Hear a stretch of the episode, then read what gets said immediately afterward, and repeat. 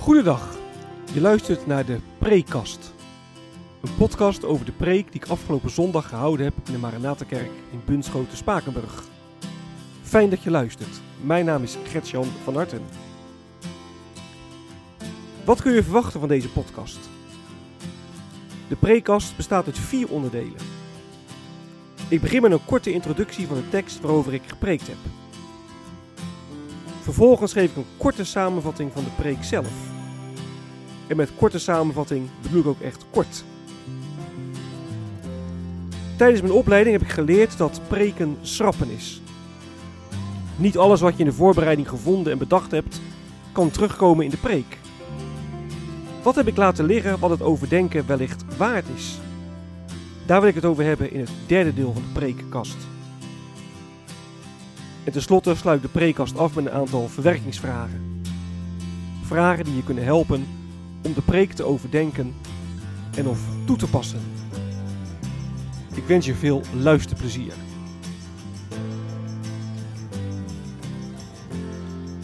De tekst.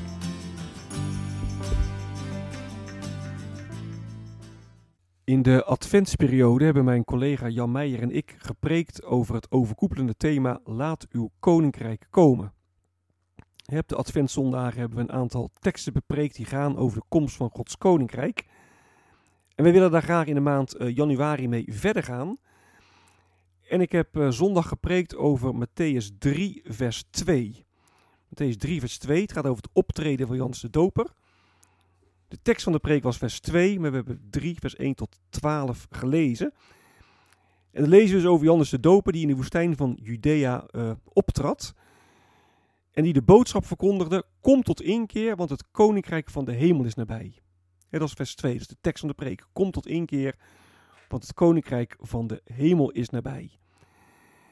En dan lees je dat er uh, mensen bij, uh, bij Johannes komen. En dat Johannes die mensen doopt, doopt in de rivier de Jordaan.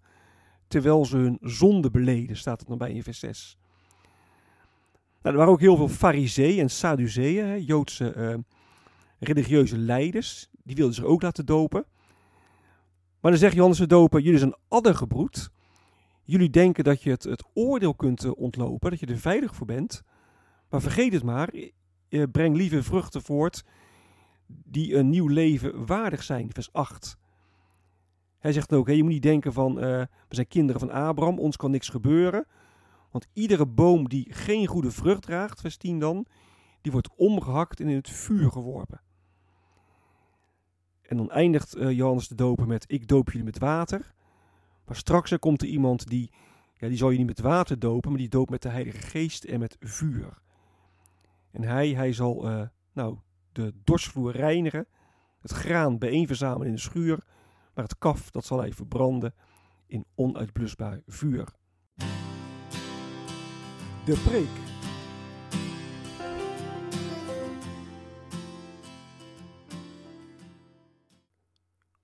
Kom tot inkeer, want het koninkrijk van de hemel is nabij, zegt Johannes de Doper.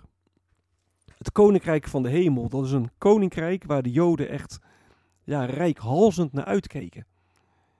Zoals wij echt rijkhalzend kunnen uitkijken naar, uh, naar de komst van het uh, pre-corona-tijdperk. Zo keken de Joden vol verlangen uit naar de komst van Gods koninkrijk. Dat zat als het ware in het DNA van de Joden. Want de profeten die hadden ja, dat, uh, dat verlangen gevoed. Die hadden heel veel gesproken over het koninkrijk dat zou komen. En die zeiden alle aardse koninkrijken zullen verdwijnen. Er komt een koninkrijk van God, een hemels koninkrijk. En dat is een volmaakt koninkrijk. Dat is een rijk van vrede, van, van recht. Dat duurt eeuwig, dat rijk. En ja, de Heer zelf die zal daar als koning overheersen. En nu zegt Johannes de Doper, het koninkrijk van de hemel is nabij. Zou het dan eindelijk zover zijn? Gaat God eindelijk zijn, zijn belofte inlossen? Tegelijk moet je wel zeggen, ja, het, het, het, lijkt wel uh, te strijden met uh, de feiten. Want uh, de Romeinen die waren de baas in Israël. En de Joden hadden maar niks te vertellen. En heel veel Joden woonden niet eens in Israël, maar die leefden nog in, in, in Babel of in, in Assur of in Egypte. He, die hadden de, de diaspora, de Joden waren verspreid over de toenmalig bewoonde wereld. Kijk, het koninkrijk waar, waar de profeten over spraken, dat leek verder weg dan ooit. En zo is heel vaak met, met Gods belofte. God die beloopt bijvoorbeeld de komst van de nieuwe aarde. Geweldige wereld, want ook van recht en gerechtigheid. Hè, dat volmaakte koninkrijk waar de profeten al over hadden. Maar als je om je heen kijkt, zie je alleen maar onrecht en chaos en ellende. die, die volmaakte wereld van God, die lijkt verder weg dan ooit. Dan ooit. Die belofte van God, ja, is prachtig. Maar de feiten, die lijken het te weerleggen. En toch zegt Johannes de Doper, het koninkrijk is nabij. Dat zegt hij niet tegen beter weten in. Dat zegt hij ook niet omdat hij zich uh, vergist. Hij doet het ook niet om de mensen naar de mond te praten en ja, de mensen valse beloften te geven. Nou hij moet het echt namens de Heeren tot het volk zeggen. He, Jezaja, Jezaja die had al geprofiteerd, Jezaja 40, dat Johannes de Doper dit uh, zou doen. Um, nou, Johannes de Doper die kan zeggen dat het koninkrijk nabij is, omdat hij weet dat Jezus Christus zijn werk gaat beginnen. En het vervolg op dit tekstgedeelte lees ik over de doop van uh, de Heer Jezus. En dan komt ook een, uh, een duif uit de hemel, de Heilige Geest. En dan klinkt er een stem, dit is mijn geliefde zoon, in hem vind ik vreugde. En Johannes de Doper die wist, Jezus Christus is het lam van God dat de zonde gaat wegdragen. En daarom mogen we zeggen dat in Jezus het, eh, het koninkrijk van God begonnen is. En dat koninkrijk niet altijd zichtbaar. We zien veel meer onrecht dan recht. We zien meer chaos dan harmonie. En we weten dat het volmaakte koninkrijk straks pas komt na de wederkomst van Jezus. Maar in Christus is het koninkrijk al, al begonnen. Op weg naar het volmaakte koninkrijk is het werk van Christus echt een beslissende uh, mijlpaal. Een beslissende stap op weg naar de voltooiing van Gods plan. En God is vandaag ook druk bezig om die wederkomst voor te bereiden. Dus het koninkrijk van God is in Jezus begonnen baan te breken en zal straks dus na de wederkomst van Jezus in al zijn heerlijkheid uh, komen. Nou, de feiten lijken het te weerleggen, maar God is aan het werk. God werkt heen naar die grote uh, dag. Hij voert zijn plan uit. En dan zeg je onze dopen, komt het inkeer. Hè? Je moet je bekeren. Als je niet bekeerd bent, dan kun je niet in Gods koninkrijk komen. Nou, reken maar dat het even slikken was voor de vrome fariseeën en de Sadduceeën. Want zij dachten, ja, eh, bekeren, wij horen toch bij God uitverkoren volk. We zijn kinderen van Abraham, hè? wie kan ons nog iets maken? Nou, Johannes de Doop laat er geen enkel misstand over bestaan. En hij zegt, als je niet bekeerd bent, dan heb je geen deel aan Gods koninkrijk.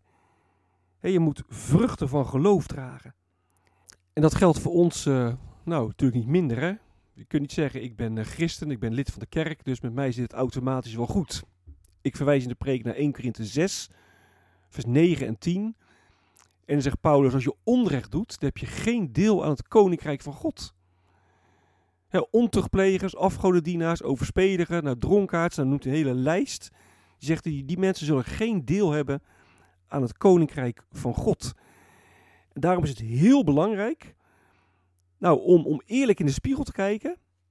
Naar jezelf, niet naar anderen. Niet te zeggen, nou, die en die, die, die moeten dit of dat veranderen. Maar gewoon in de spiegel kijken en dan naar jezelf kijken. Dan zie je jezelf.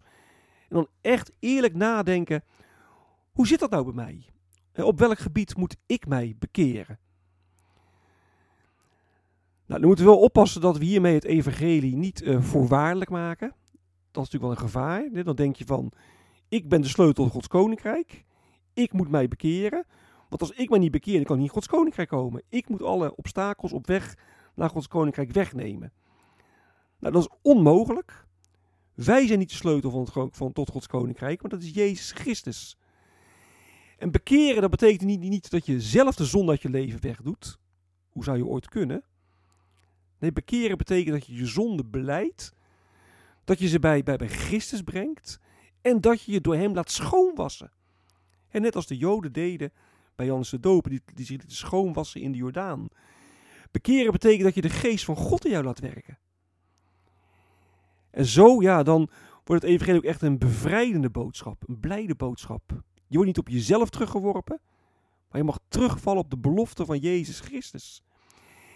En Johannes de Doper was een, een boeteprediker, maar zijn boodschap was onderaan de streep helemaal niet, niet somber. He, Jezaja noemt, noemt Johannes niet voor niks een, vreugdebode hè, in Jezaja 40 vers 9. En Gods volmaakte wereld komt. En ja, dankzij Jezus Christus mag je daar deel aan hebben.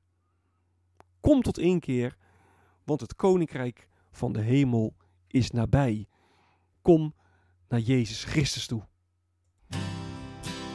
Wat is blijven liggen?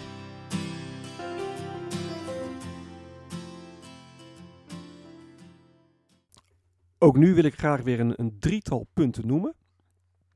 Het eerste, daar heb ik wel iets over gezegd in de preek, maar heel sumier. Daar kun je veel meer over zeggen. En dat is de vraag: het koninkrijk van God, is dat er nu al? Of moet het koninkrijk nog komen? we zeggen in Christus is het koninkrijk gekomen. Tegelijk liet Jezus ook ons bidden: uw koninkrijk komen. Laat uw koninkrijk komen. Het is er dus kennelijk nog niet. Nou, het wordt vaak vergeleken met een, uh, een trein. je staat op het uh, perron in een treinstation. En dan kun je niet zeggen: de trein moet nog komen. Maar de trein is er ook al. Nee, dan is het echt van tweeën één. Of de trein moet nog komen, of de trein is er. Nou, zo is het met het koninkrijk van God dus niet. Het koninkrijk van God is er en het moet nog komen. Het is begonnen toen Jezus Christus hier op aarde was en zijn verlossingswerk uitvoerde. Maar het zal pas in al zijn heerlijkheid definitief doorbreken na de wederkomst. Dus je kunt zeggen, ja, vandaag leven we al in Gods koninkrijk. Nu, vandaag in 2021. En tegelijk als we om ons heen kijken, dan zien we natuurlijk heel weinig van het koninkrijk. Maar we weten straks na de wederkomst, ja, dan zal het koninkrijk van God in al zijn heerlijkheid in heel zijn volmaaktheid doorbreken. Nou, het tweede waar ik ook iets over wil zeggen is over die doop van Johannes de Doper. Moet je die doop van de Doper nou vergelijken met, met onze doop? Hè? Dat wordt wel beweerd. Maar dat kun je uh, denk ik niet zeggen. De doop van Johannes was echt heel nadrukkelijk een, een boetedoop. Terwijl de doop zoals wij die kennen geen boetedoop is, maar een, ja, een, een, een inwijdingsritueel. Dat klinkt een beetje negatief, maar zo bedoel ik het niet. Een, een inwijdingsritueel dat je deel uitmaakt van het, van het volk van God. Kijk, het vroege Jodendom kende wel de, de, doop, de proselietendoop. Dat was als heidenen tot geloof waren gekomen in de Heer. Dan konden ze bij het volk van God komen.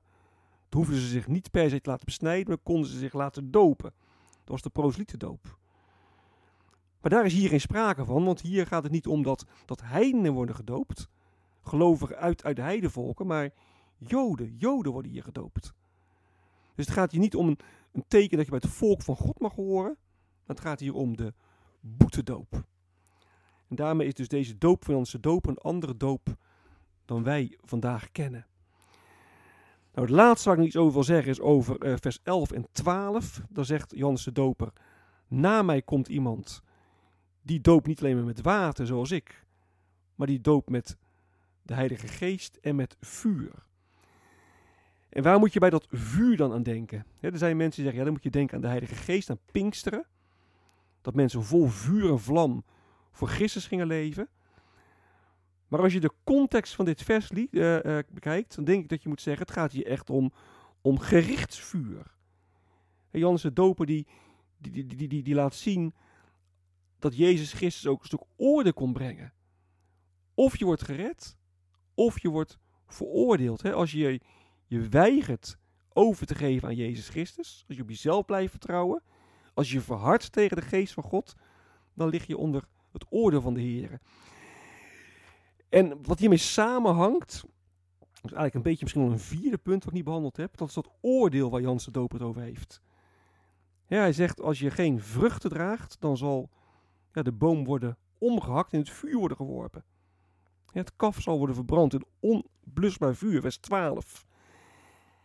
En ik merk iedere keer weer dat ik het toch best lastig vind om daarover te preken. Niet omdat ik niet in het oordeel geloof, absoluut niet. Ik denk dat de Bijbel daar heel, heel duidelijk over is.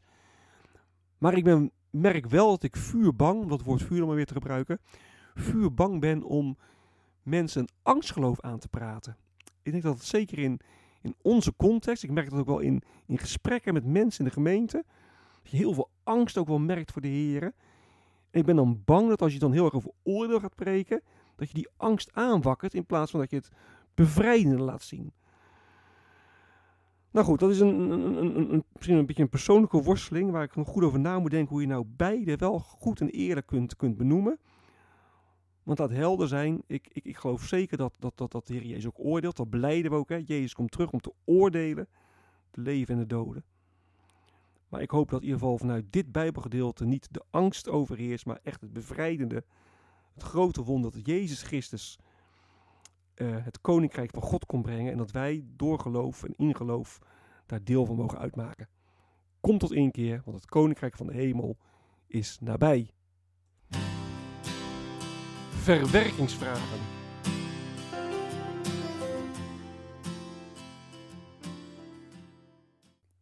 Kom tot inkeer, want het koninkrijk van de hemel is nabij, zegt Johannes. De eerste vraag die ik wil stellen is: Ben jij bekeerd? Kun je jouw leven vruchten van geloof laten zien? Om uh, de woorden van vers 8 uh, eh, te gebruiken. De tweede vraag is: hoe voorkom je nou dat een oproep tot bekering dat dat leidt tot, ja, tot wetticisme of moralisme? Dat je denkt dat jij nu heel erg hard aan de slag moet, dat jij van alles moet uh, ondernemen en moet presteren voordat je bij God mag horen. Hoe kun je nou ook bij de bekering de genade goed vasthouden? Nou, de Joden die keken vol verlangen uit naar de komst van Gods koninkrijk. Dat zat echt in hun DNA, zei ik in de preek. Ze waren er eeuwenlang mee opgevoed met die gedachte, het koninkrijk, niet met de gedachte, maar de belofte, het koninkrijk van God komt. Nou, wij weten dat het volmaakte koninkrijk nog komt, dat Jezus terugkomt. Maar hoe, ja, welke rol speelt dat nou eigenlijk in ons geloofsleven? De verwachting van de komst van Gods volmaakte koninkrijk. En de laatste vraag die ik wil stellen is, hè, Paulus, of uh, Johannes die zegt, uh, je moet je bekeren, komt tot één keer, hoe doe je dat nou? Hoe bekeer je nou? Nou, dat waren de vragen die ik op het preekblad heb opgenomen die uh, kunnen helpen om nou, de inhoud van de preek en de inhoud van het Bijbelgedeelte, om dat meer handen en voeten te geven. Dit is het einde van de preekast. Mocht je vragen of opmerkingen hebben, dan kun je me mailen op mailadres van hartengretjan.gmail.com van hartengretjan.gmail.com Ik wens je nog een hele prettige dag. Hartelijk dank voor het luisteren. En wie weet, tot een volgende keer.